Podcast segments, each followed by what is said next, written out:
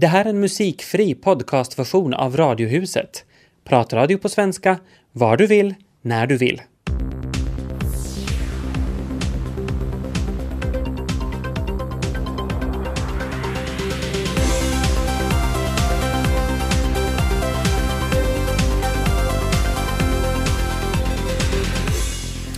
Hej på er, välkomna till Radiohuset. Onsdag med Tina Grönros i Ekenäs. Och Peter Falund i Vasa.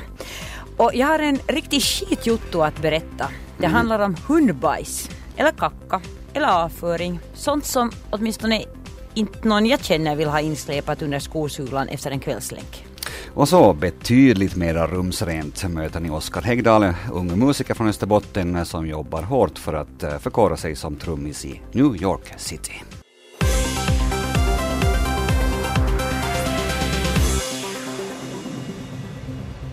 De är många, de finlandssvenska unga musikerna som visar framfötterna på olika sätt just nu. En av dem är Oskar Häggdahl som studerar trumningens ädla konst vid den lilla men aktade Drummers Collective i New York City. Oskar kommer ursprungligen från Molpe och gick sen på Vasa övningsskola så också Novias musiklinje i Jakobstad. Varför blev det just trummor då i början? No, ursprungligen, det minns jag inte för att jag spelade sen jag, sen jag var född. Men jag fick mitt första trumset när jag fyllde fem år. Så sen fem år så har det varit trummor varje dag sen dess. Och vilka band har du plöjt igenom?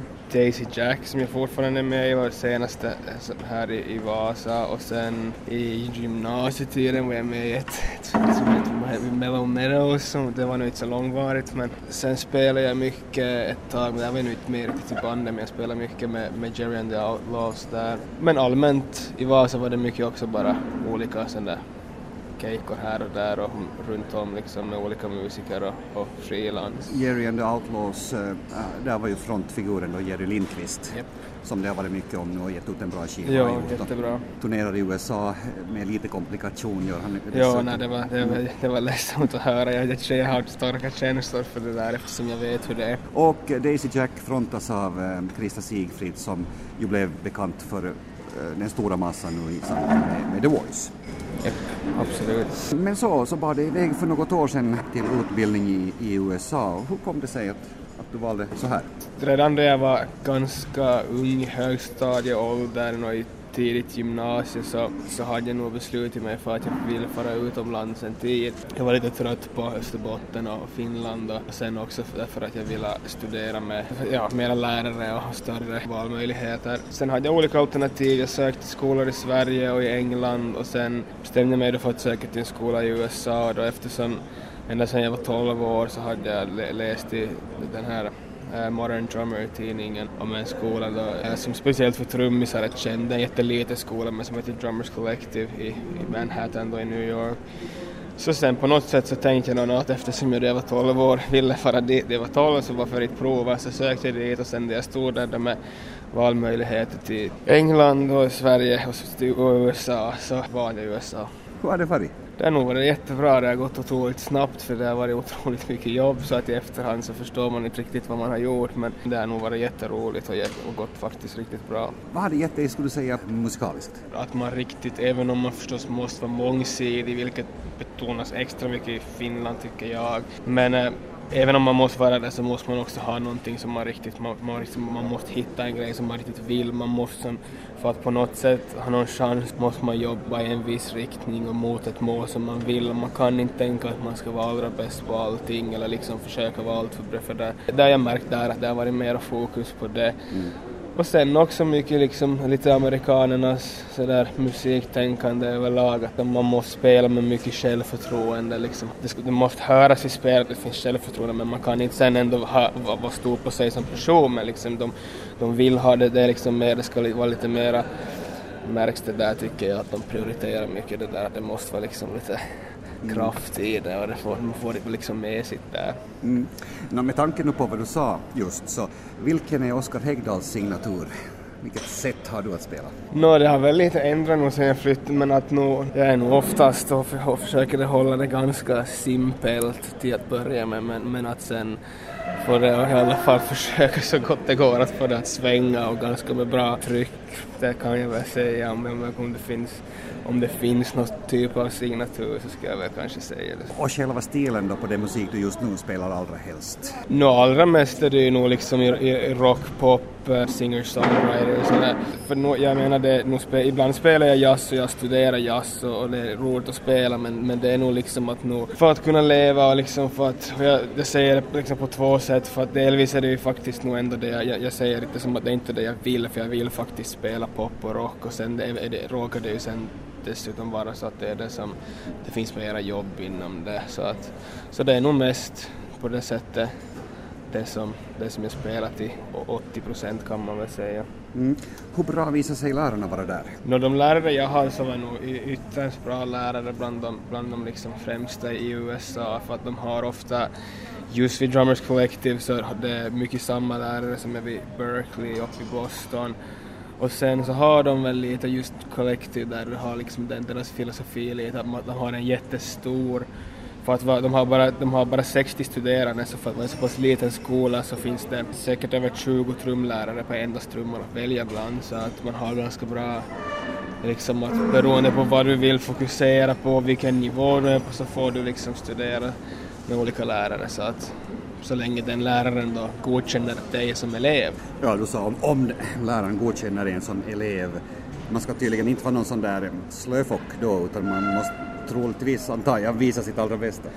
No, jo, alltså det, det, är lite annorlunda på det sättet i USA, speciellt där att komma in till själva skolan är inte så jättesvårt för det är mycket internationella studerande så de, de har inte så höga krav på själva det där ursprungliga inträdesprovet men sen när man väl har kommit till skolan så har de utvärderingstest och audition som man ska sätta så sätts man i olika grupper och får olika lärare som de liksom delar ut åt vissa elever då till exempel på vilken nivå de är. Och sen därifrån får man ju ta, ta sig då liksom om man vill ha en riktigt bra lärare så måste man då bevisa för den läraren att man, att man är tillräckligt bra. Så att, men jag var som tur var och, och lyckades, lyckades ganska snabbt ha de, de lärare jag ville ha och mycket, många lärare som faktiskt frågade mig om jag ville vara deras elev så det, var jag, det var jag glad över att det gick så pass bra. Sånt känns ju skönt säkert. Så det är absolut skönt. Kontakter, hur har det blivit dem eh, där i New York? Hur svänger det för dig? Det har gått rätt bra faktiskt. Jag fick nog börja den hårda vägen och leta bland musikerannonser och se, gå på auditions och se att sånt som man kanske tyckte men det här, det här är inte världens häftigaste grej men men man börjar någonstans att svara på dem där och, och, och så, som, som, tur var så fick jag de gigs som jag, som jag gick på audition för och så därifrån då de som är med där förstås basist, basisten främst i det här ena bandet och gitarristen och alla sådär så, så leder ju till andra kontakter och, och nu här som tur var så har det nu gått så pass att, jag, att det verkar liksom så att det, det flest, de flesta kontakter leder till mer, fler kontakter och det är ju mm. det, är det, som är, det är det som är roliga med att vara musiker, det är en del av det, är det, en del av det som är roligt. Man, man kan aldrig slappna av, man måste alltid veta att man måste göra sitt bästa så att man så att, för att varje kontakt kan leda till en ny.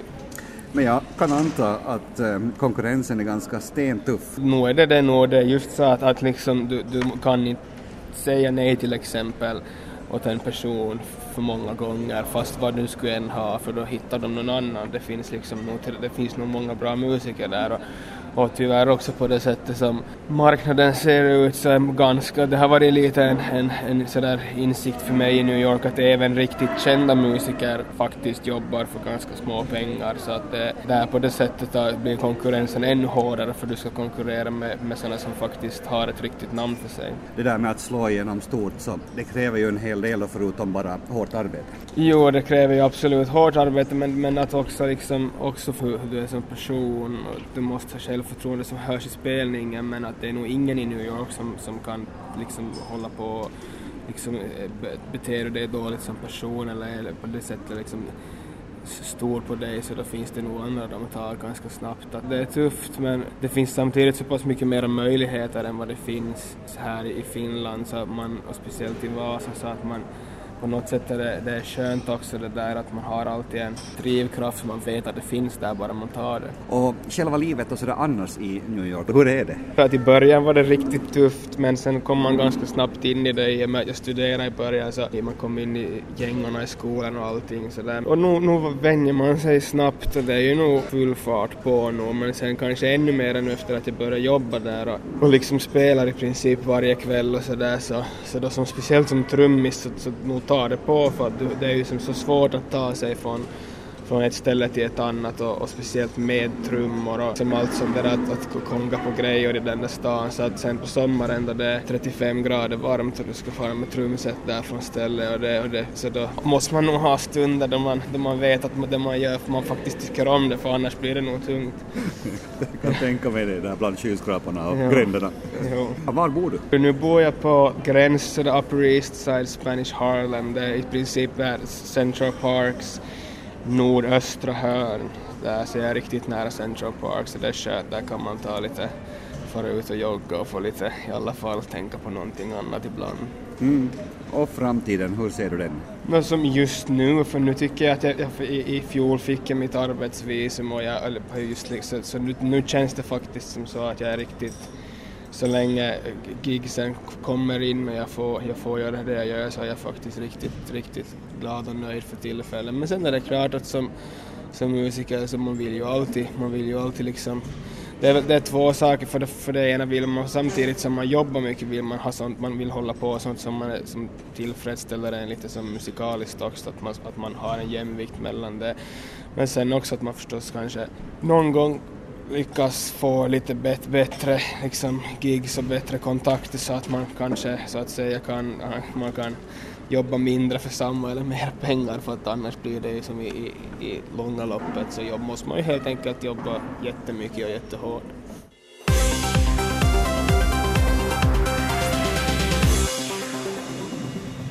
Jag var på en kvällspromenad igår och min nya vana rätt så trogen så avrundade jag länken sen med att syna skosulorna. Och månne inte det igen fanns hundskit i räfflorna. Mm. Tills vidare måste jag säga har jag en liten snöhög där hemma där jag kan putsa tossorna men småningom måste jag igen börja ta in skorna i badrummet för att skölja bort kackan där. Mm. Fräscht och sorry till er som kanske förbereder mat eller äter något mellanmål som bäst att höra på det här men när andra stretchar efter länken så torkar jag bort bajs. Ja du, det där är nog inte någon höjdare. Borde finnas ett hundkörkort tycker jag. Där blivande hundägare skulle skolas in i att också ta bort eh, skiten, att det också hör till handlaget när man en gång har mm. skaffat husdjur. Mm. Nu är det ju så att hundbajssituationen är värst i och med all snö som smälter och innan gator och trottoarer har sopats rena. Men faktum är att den här skiten stöter man på året runt och de flesta hundägare tycker ju nog att det är lika äckligt som icke-hundägarna. I en av kvällstidningarna säger Helsingfors biträdande stadsrektor Pekka Sauri att kommunerna borde få rätt att bötfälla hundägare för icke upplockat bajs. Precis som man får böter för felparkering. Vad tycker du om det Peter? Mm, jag skulle nog kunna säga och sträcka mig till att jag, jag tycker att det där är en väldigt strålande idé. Mm. Och inte bara för att jag själv inte har hund, för det kanske jag har här någon vacker dag. Jag går faktiskt lite grann i sådana tankar. Oj, vad roligt hör jag. Men kom ihåg sen att fast du sen plockar upp bajset så att sen hitta en sopkorg och sätta de här kackapåsarna i en också ett äventyr i sig. Ja, det lovar jag på mitt scout, mm. min scoutheder. Ja, ja, ja. Men den här återkommande skitjotton eller nyheten som valsar runt på det tidningar och nu också i radio så har den här gången stött på mothugg av ja, är det nu sen hundägare eller icke-joggare, det vet jag inte. Men i alla fall så på nätet idag så har jag kunnat läsa sura kommentarer att det är vi motionärer som ställer till Aha. det för alla. Aha. Ja, i och med att vi lär stanna upp och kacka massor i alla möjliga spånbanor, motionsslingor och skogsdungar. Så nu uppmanar jag alla ansvarsfulla motionärer och joggare, gå via vässan innan ni beger ut och springa. Men då ska, jag, ska det nog i rättvisans namn vara böter på dem också ifall de inte har någon påse med sig eller hemska tanke bara ränner iväg från det.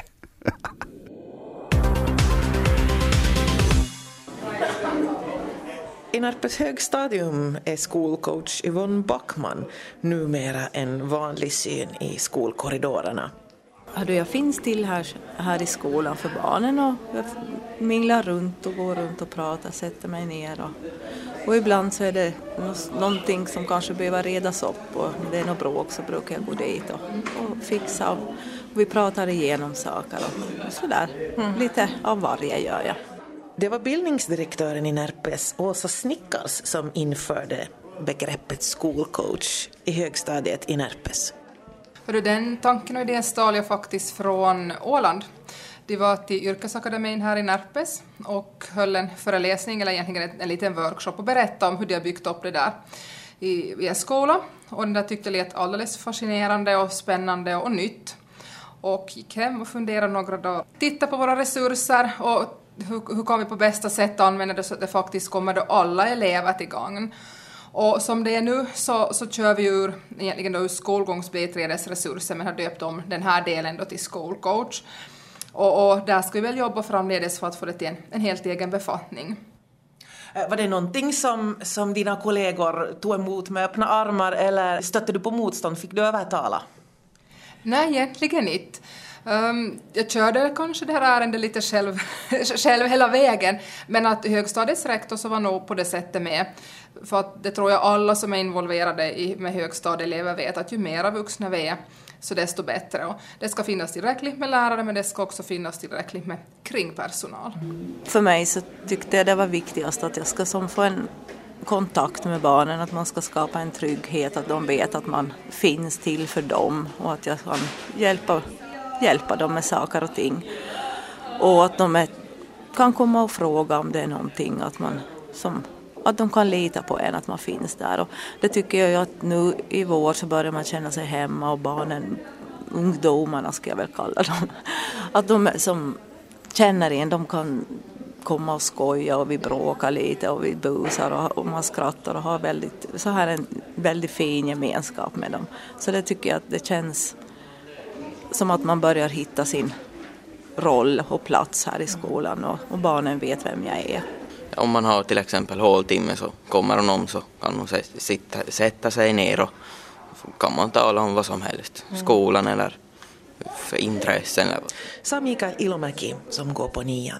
Och jag försöker ju nog jobba på det, att det ska bli helt naturligt, att alla ska veta om att, det, att jag finns för dem och, och även att jag kan förmedla mellan lärare och elever om det är någonting som är, som är oklart, att jag finns där för dem på de sidor och kan om de inte kanske vågar gå till någon lärare och berätta vissa saker så, så kan jag finnas där. Och, Ja, alltså om inte vi i Närpes har råd att satsa på, på barn och ungdomar så har vi inte så mycket framtid kvar som kommun.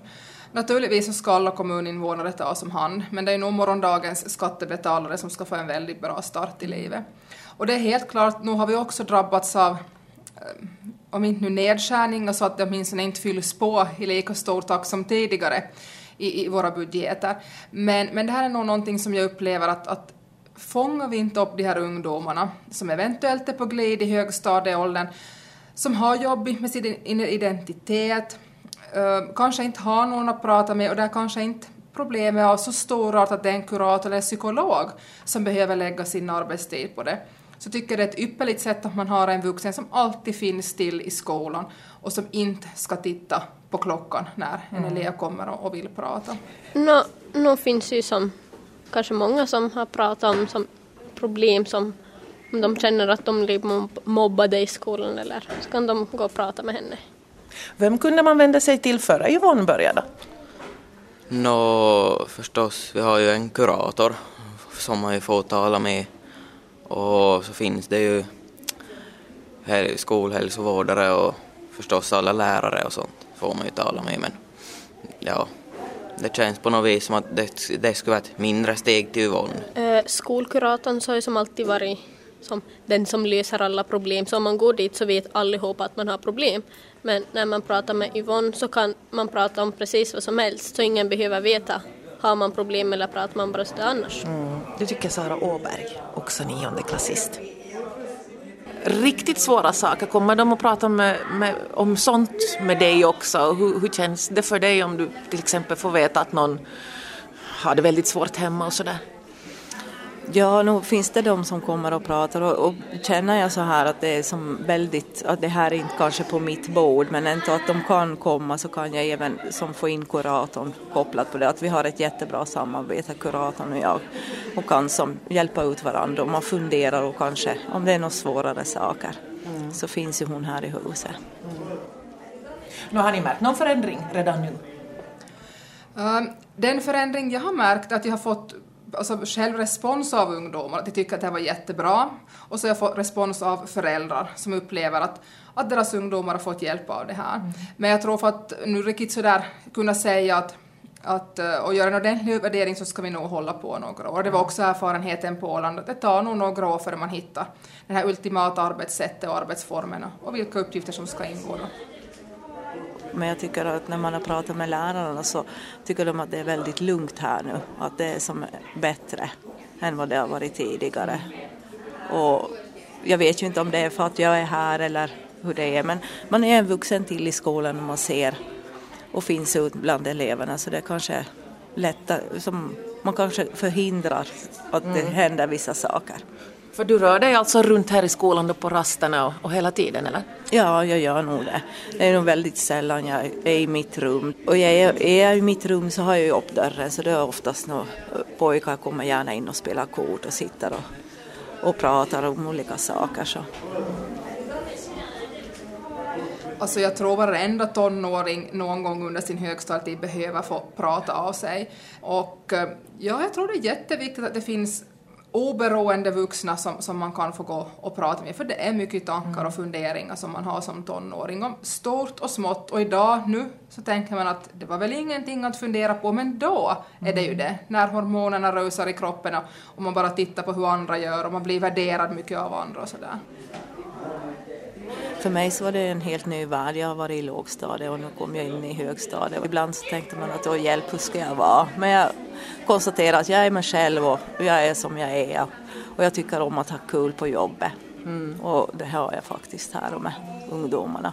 Och jag tror att det om man inte haft det så lätt alla gånger så, så kan man reflektera till det och att de är människor och de har sina problem de också fast de är ungdomar och de är viktiga att vi tar hand om dem och att de får det tryggt här tycker jag så länge de går här i högstadiet.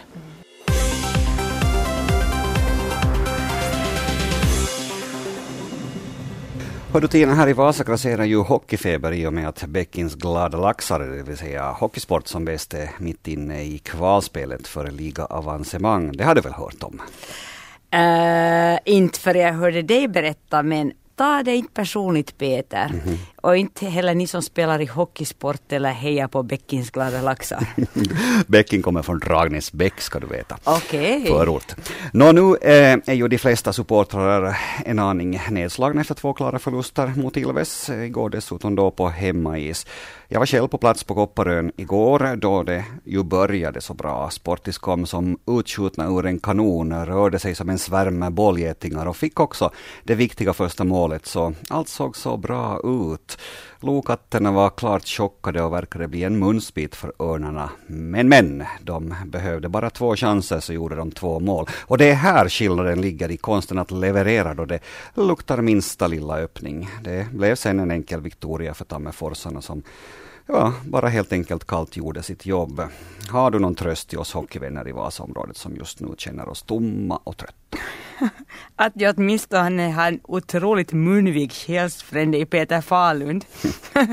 och att loppet inte är kört ännu, eller hur? Nej, det finns eh, åtminstone två tillfällen att reparera skadan. Först i Tammerfors och så en match till hemma. Hoppet är ju det sista som överger människan. I alla fall så har det här gänget med hängivna supportrar inkluderade visat att det finns, ja kanske, landets bästa hockeykultur här. Stämningen i hallen är alldeles uh, fantastisk och fansen eh, de ger aldrig någonsin upp. De mm. applåderade mm. och sjöng kampsånger frenetiskt igår, till och med riktigt på slutet då det stod 1-5 på resultattavlan. Oj, det är fint. Tycker jag säger en hel del och fulla hallar på löpande band ger bra förutsättningar för nästa år. Uh, att det då kanske ska kunna gå vägen. Uh, vill säga ifall sport nu ändå inte går att vända på det här. Men då kan jag säga att det kommer nya vintrar, mm. fast vi inte tänker på det just nu. Och Istället kan ju du Peter och alla andra hockeyfans snurra på er fotbollskängorna, ta på er något rött runt, ha, äh, röttvitt heter det, runt mm. halsen och heja, applådera, sjunga, stampa för Jakobstadslaget Jarro som ju kör igång säsongen om 18 dagar, 2 timmar, 26 minuter och några sekunder. Ja, och på alla andra fotbollslag också som går i väntans tider nu när det börjar nalkas riktig vår.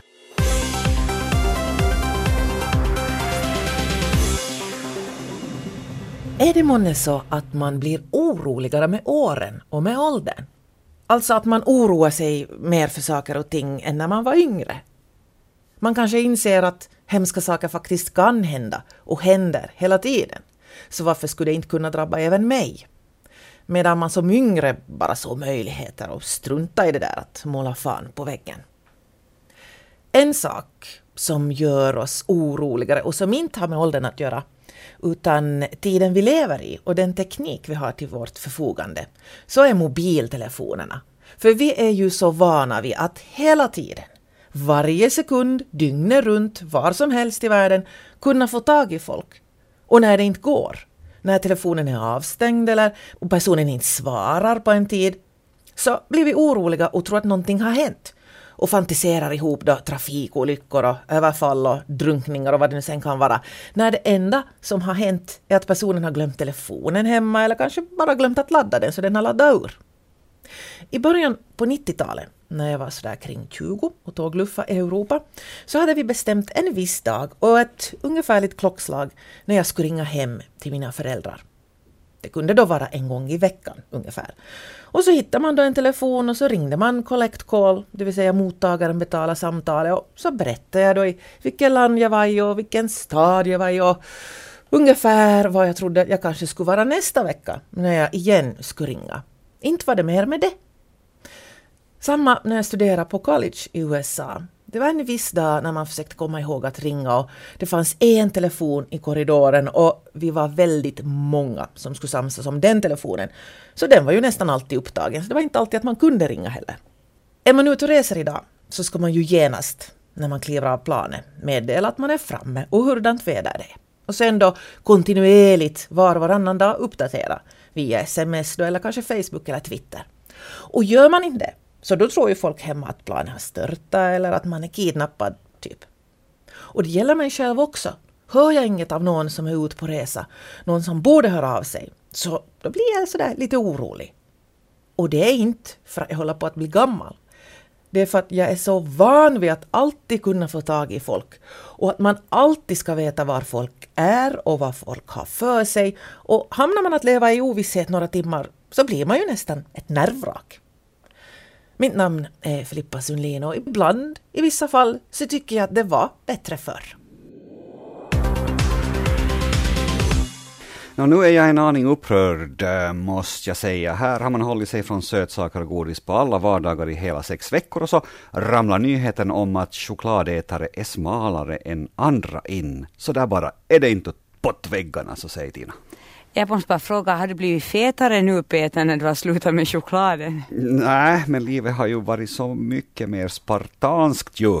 Mm, och huvudvärk har du haft och allt allting. Ja, jo, det har jag haft, men det är ett avklarat kapitel. Nå, hur som helst, det är tidskriften Archives of Internal Medicine som i sin studie visar att choklad gör dig smal. Forskare har faktiskt vid University of California at San Diego jämfört BMI hos tusen personer där det till deras förvåning visade sig att regelbunden chokladkonsumtion verkar vara associerat med lägre BMI. Också när de tog hänsyn till andra faktorer som motion så gick sambandet inte att förklara med något annat än att än, än, att det var chokladen. Dessutom, för att det ska svida ännu mera, mängden är inte avgörande, utan hur ofta man smäller i sig den goda biten. Vad sägs om det? Jag tycker det är solklart. Glöm det där med långa promenader och många jumpapass. Egentligen är det chokladdieten som är ofta och ännu oftare som är hemligheten bakom alla smala människor som dessutom har mycket kletigt kakaosmör och massa i artärerna för att inte tala om kolesterolet. Mm -hmm. En av artikelförfattarna, Beatrice Golomb, säger till BBC News Health att studien tyder på att det snarare är kompositionen av kalorier, inte antalet, som är avgörande för dess påverkan på kroppsvikten en annan möjlig förklaring är antioxidanten katekin Mhm. som man främst hittar i mörk choklad, som inte jag alls tycker om förresten. Nåja, alltså, mm, då så. Mm. Och som då i försök eh, på möss visat sig minska kroppsvikten. Ja, inte vet jag, men det verkar som om vi får önska er alla en riktigt god påsk här småningom. Janne Ekholm, köpman i Ekenäs. Hur reagerar du på nyheten om att matjättarnas eh, dominerande ställning nu ska granskas? Och det är alltid bra om någonting granskas. Vi har ju en liten unik situation här i Finland när vi har två stora som dominerar marknaden så det är kanske bra att någon utomstående lite tittar på, på prissättningar och andra saker. Eh, Styrs nu matpriserna hemskt mycket av de här två stora matjättarna, S och K? Om man är dominerande på marknaden så styr man ju sen omedvetet eller medvetet priser. Det är helt klart och alla andra följer efter. En vanlig konsument känner till kanske en 10-15 priser men där tar det slut. Att, att sen, sen när konsumenten kanske köper någon lite mer udda produkt så har det nog ingen aning om vad den varan kostar och, och det är ju där som, som, som det kan finnas luft i priserna. Att Jag tror inte att det finns så mycket luft i till exempel mjölk eller korvpriser, att de är nog ganska konkur- konkurrensutsatta. Mm.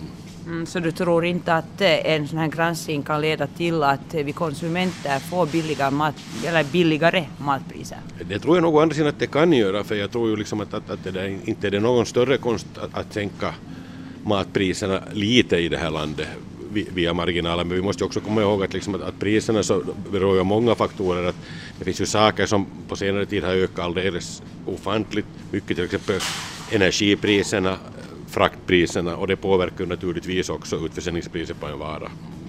Kommer ihåg då när vi i tiderna gick in i, i EU och vi tog euron i bruk och, och då tyckte man ju att kött till exempel blev på en gång jättemycket billigare. Ostpriserna sjönk också.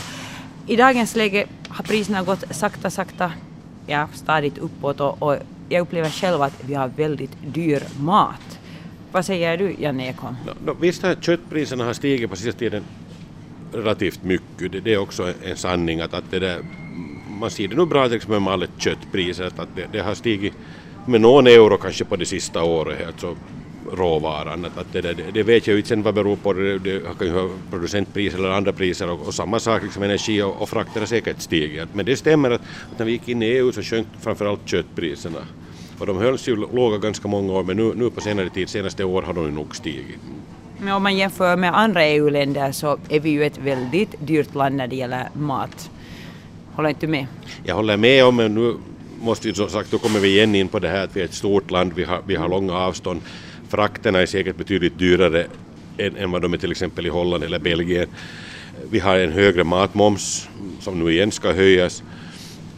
Och, och vi har som sagt ett stort land där, det också, där, där folk fordrar att det finns butiker i alla byar helst. Och det gör ju att matpriserna blir högre. För att om, om det sätts på, på, på kedjorna att se till att det finns en, en butik någonstans så, så gör det ju att, att priserna är högre i det här landet. Vi är ett stort land med relativt få invånare. Mm. No, du sa Janne Ekholm att det visst finns luft i vissa matpriser. Hur mycket billigare mat skulle vi kunna ha? Vad tror du? No, jag tror att, att vi pratar kanske med 1-2 procent möjligtvis, att om, om man skulle granska, granska dem riktigt hårt. Att, att det där, men, men det är nu så att inte, inte har ju liksom, enligt vad jag nu erfar och har sett så, så inte liksom har ju någon enskild köpman några jättestora vinstmarginaler heller. Att, att det där, ett företag måste ju gå på plus, det, det är helt klart. Att det, där, men att det är en sanning att om vi går liksom 15 år tillbaka i tiden eller 20 år när jag började så klarar jag mig med en lägre marginal än vad jag gör idag. Alltså, å den sidan så kan man nu säga att, liksom att, att, att min marginal har säkert stigit med en 3-4 procent på de här 20 åren men inte har jag liksom gjort några större vinster för det eller gjort något bättre resultat utan det, det är en följd av de här kostnaderna också. Det, det är sant. Sen finns det ju många andra orsaker ännu som påverkar kanske matpriserna. Att det som jag uttrycker personligen liksom att, att i Finland så strä, strävar ju de här stora efter marknadsandelar. De borde istället titta på, på att, att, att det där på vinstmarginaler och, och andra saker och inte bara liksom bygga nytt för inte det är ju billigt och gratis att man bygger nya butiker stup i kvarten heller att det gör ju också att matpriserna stiger. Så det skulle nog vara välkommet med en tredje stö, större kedja i det här landet. Om man nu jämför då med Sverige som har flera så inte, har, inte finns det någon butikskedja som har 40 procents marginal. De är nog i allmänhet nöjda med 20 procent av marknaden. Ja, hur var det då när, när du började faktiskt för 20 år sedan? Alltså, hur många olika kedjor fanns det då? Då fanns det ju egentligen fyra stora. Det var SOK, Kesko, Spar eller Tuko och, och sen det här Eka. Alltså, som nog fortfarande finns delvis kvar, alltså närmast de här Suomen lähikaupat, alltså Siva. Mm. Men som är en liten kedja idag. Mm. Nya är ju Lidl men också ganska marginell fortfarande. Ja, hur är det att då vara köpman för en, en så pass liten kedja som M-kedjan är, eller att vara helt vild? Går det med tanke på att det finns de här två stora jättarna i Finland? No, no, helt vild kan man ju inte vara men, men å andra sidan så, så nu är ju det här liksom vid M-köpen så nära vilda man kan vara att, att det finns ju ingen som säger varifrån jag köper. Jag köper naturligtvis största delen från en partihandel för, för att det är bekvämt och jag måste ha en viss logistik men där, därutöver så köper jag ju också av nästan alla andra kedjor som finns i det här landet och jag köper ju jättemycket direkt men ofta är det ju marginella produkter som säljs direkt, att inte sälja ju de här stora, stora leverantörerna. Alltså, typ, nu ger ett exempel, till exempel Felix, inte säljer de åt mig direkt utan de säljer enbart via en partiaffär. Så sist och slutligen ännu köpman Janne Ekholm.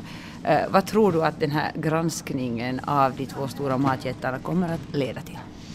No, inte vet jag om det direkt leder till någonting, att nu tror jag liksom att de kommer till, till ganska många samma saker som jag har sagt här, att, att, att, att sen är det att det är ju industrin som borde öppna sig och säga vad de tycker. Och, och, men det där är ju sen hemliga förklarade årsavtal så, så det är ju svårt att säga att, att, det där, att hur priserna är pressade där.